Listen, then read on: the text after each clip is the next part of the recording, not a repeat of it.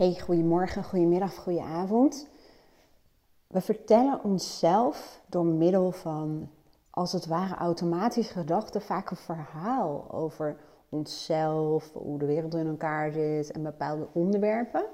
En ongemerkt, of ik zal eigenlijk willen zeggen onbewust, kan dit zorgen voor een bepaalde weerstand of een blokkade of een soort conflict in je hoofd, waardoor je niet krijgt wat je werkelijk wilt. Um, ik ga een paar voorbeelden uh, geven.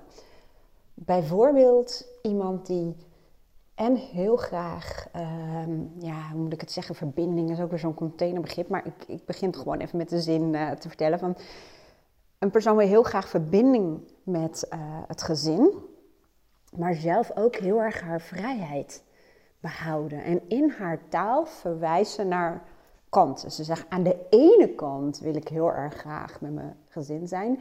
En aan de andere kant voel ik ook heel erg de behoefte en voel ik dat ik ook afstand creëer of juist zelfs een beetje afstoot, omdat ik ook op mezelf wil zijn.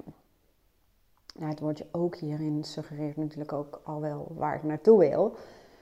Maar vaak is het, um, wat moet ik het zeggen, ongenuanceerder in ons brein. Is het meer of. Hè? Of contact met mijn gezin of contact met mezelf.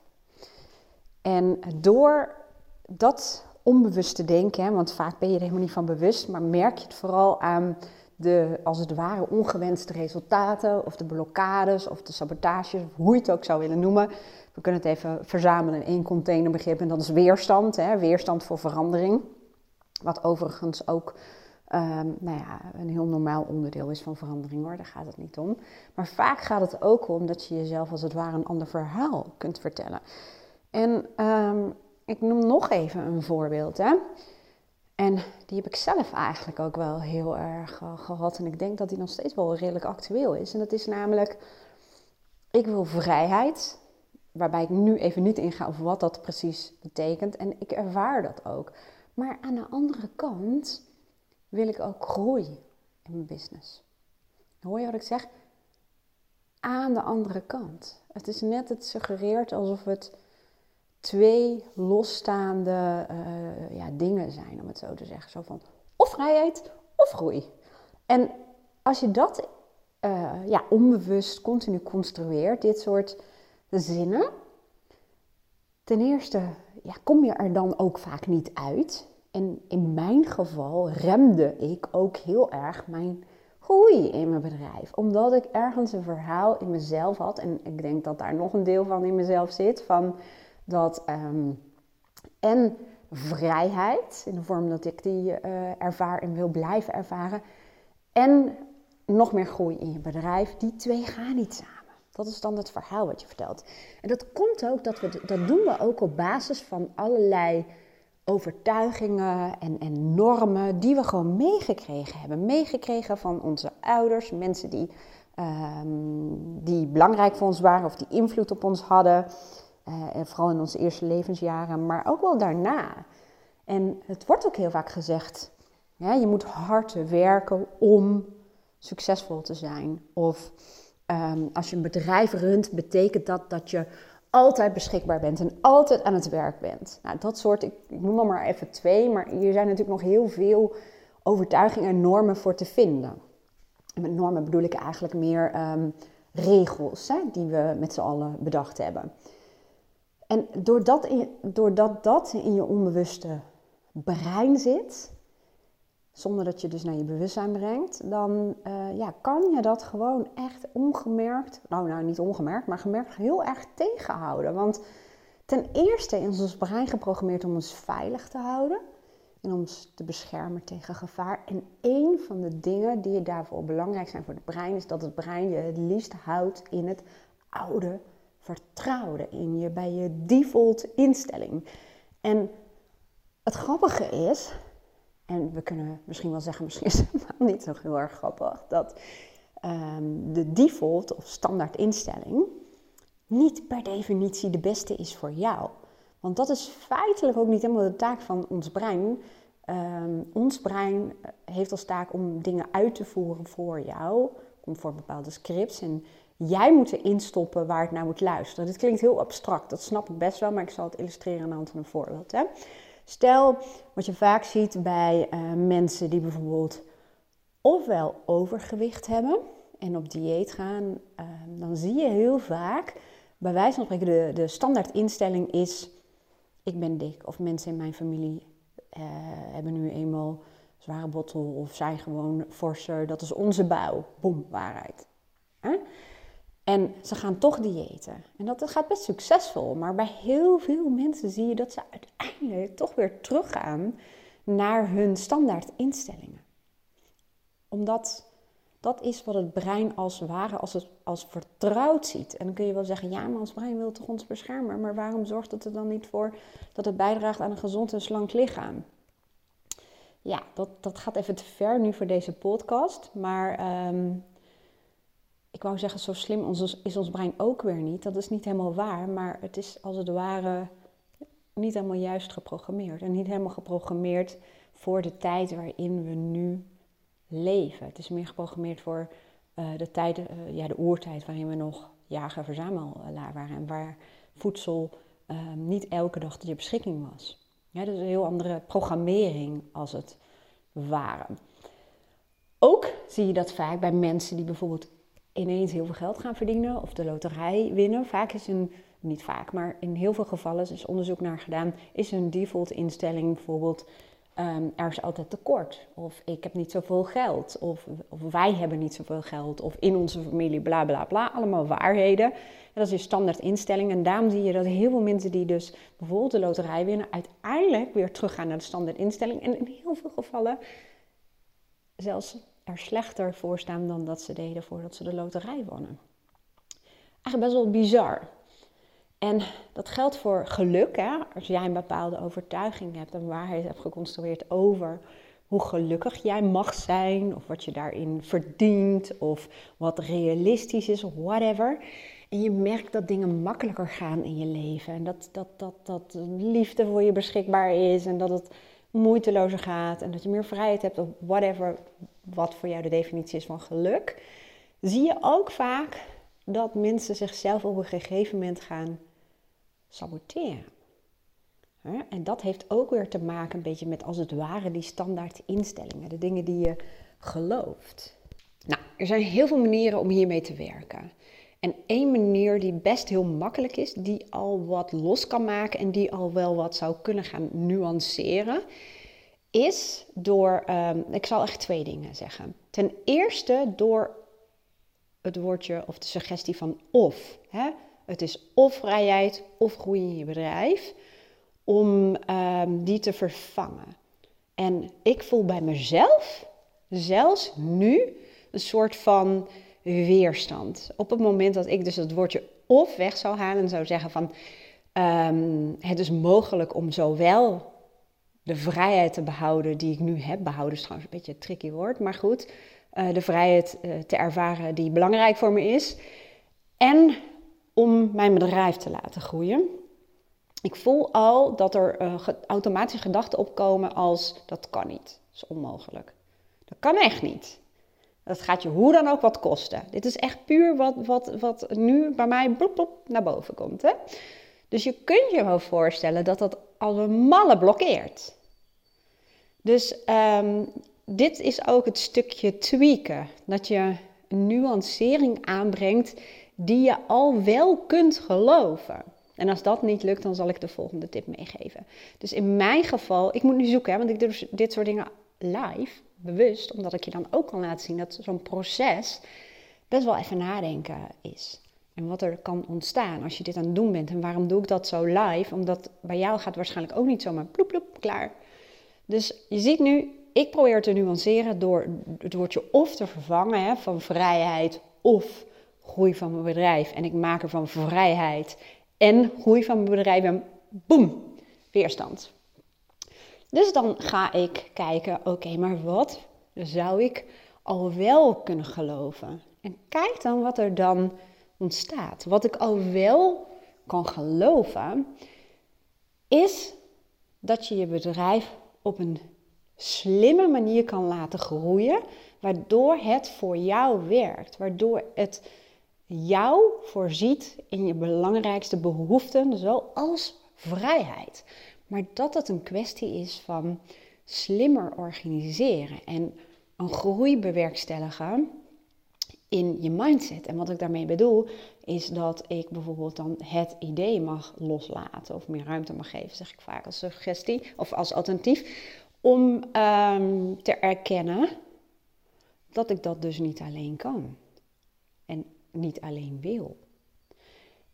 En deze, als het ware, waarheid, nieuwe waarheid, hè, dus dat ik mijn bedrijf kan laten groeien, dat het me zelfs kan dienen in uh, te, te zorgen voor een aantal belangrijke behoeften, hè, waaronder vrijheid, dat is ook een waarde. Um, maar dat het dan heel erg gaat om een groei in mijn mindset en een uh, ja, andere manier van werken en organiseren, waarbij ik andere mensen ook de gelegenheid geef om te doen wat zij het liefst doen, om te doen waar zij heel erg goed in zijn. En de, waarin ik dan ontlast kan worden met de dingen die me nu heel veel tijd en energie uh, en aandacht kosten.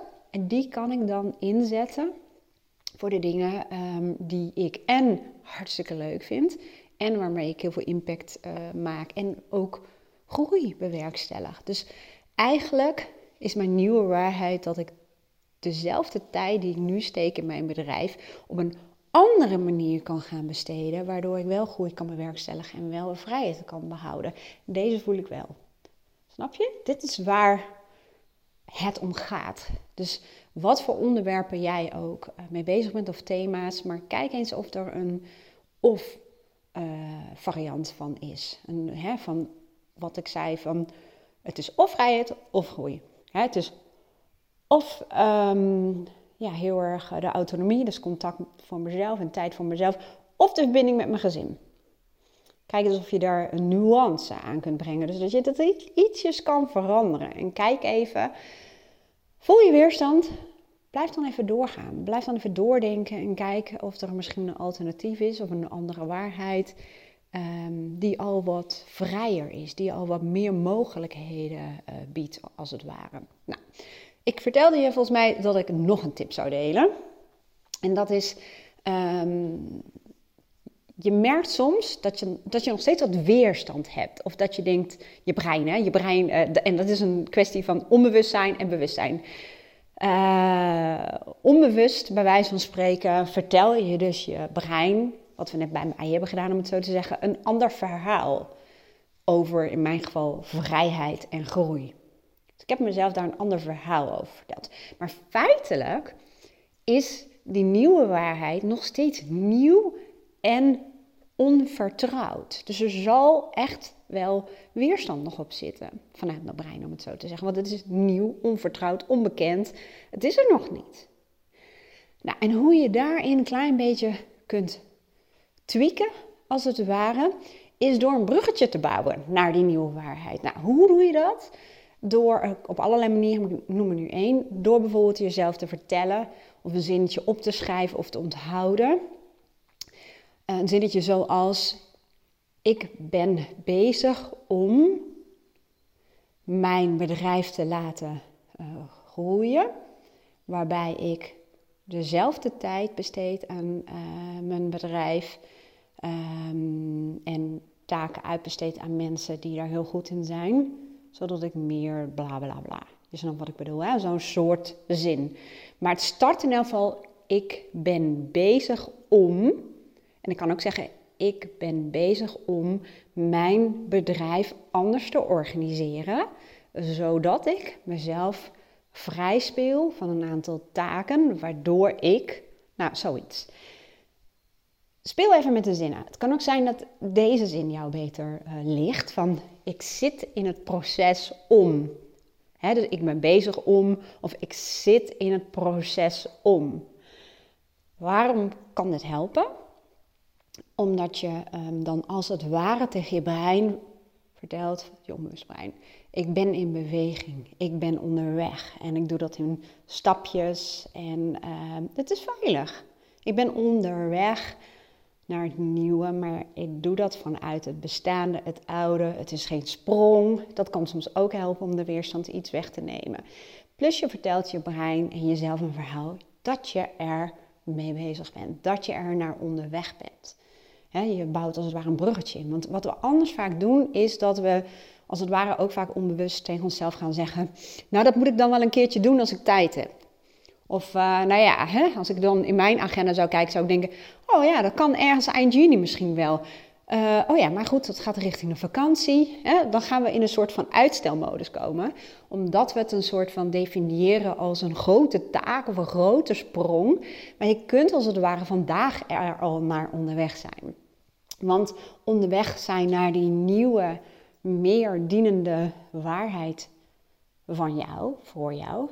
Dat kan al door er bijvoorbeeld mentaal mee bezig te zijn. Of door informatie te verzamelen. Je ziet ook vaak dat het een soort van cyclus is met verschillende onderdelen. En het hoeft niet in één keer. En je kunt, als je er dagelijks bij wijze van spreken iets mee bezig bent, dan ben je onderweg. Dan draag je elke dag of een paar keer in de week, whatever, bij aan die nieuwe gewenste waarheid of situatie.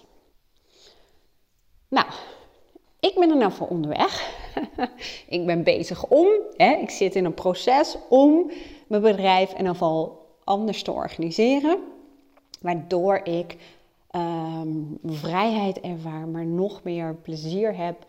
Uh, en tijd heb eigenlijk voor de dingen die ik echt hartstikke leuk vind. En daarmee ook meer impact kan maken. En daardoor ook meer groei als gevolg zou ervaren. Zoiets.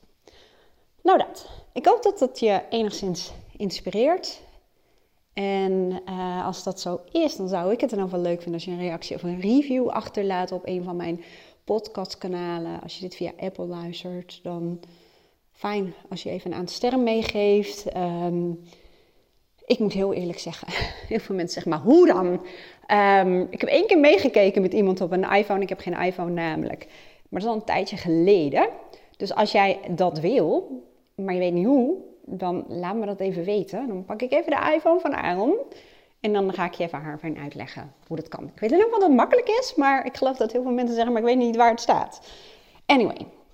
Het kan ook zijn dat er iemand in je omgeving is die, waarvan je denkt, hé, hey, die kan hier ook iets aan hebben. Dus leuk als je mijn content en mijn podcast doorstuurt. En het kan natuurlijk ook wel zijn dat je nieuwsgierig bent geworden en denkt, hmm, allemaal heel erg leuk wat je vertelt. Maar ik luister vooral. Ik luister podcasts en dan ga ik naar de volgende podcast en ik steek er echt veel van op en ik doe inzichten op. Alleen de actie, het doen, het bewuste werk blijft achter. Want ik moet nog boodschappen doen, want ik heb nog druk. Nou, we kennen het eigenlijk allemaal wel. Dat zijn vaak de gevallen waarin je wel wat hulp kunt gebruiken. Ik zet hieronder even een linkje neer uh, naar mijn aanbod. Ik heb allemaal verschillende soorten aanbod. En uh, als er iets op mijn website is waarvan je denkt, hmm, dat is niet helemaal, of voor mij werkt het anders, dan let me know. Dan kijken we samen even uh, nou ja, wat het beste bij jou zou passen. Voor heel veel mensen is tegenwoordig een combinatie van bijvoorbeeld uh, online lessen, opdrachten, of hoe je het ook wil noemen, met een stukje persoonlijke begeleiding, een hele fijne begeleiding. Omdat je dan wel gemotiveerd wordt om dingen te doen en op te leveren als het ware, maar wel de ruimte en de vrijheid en de tijd kunt indelen zoals je dat zelf wilt. Goed, ik wens je een hele fijne dag. Dankjewel voor het luisteren en heel graag tot de volgende podcast. Doei doei.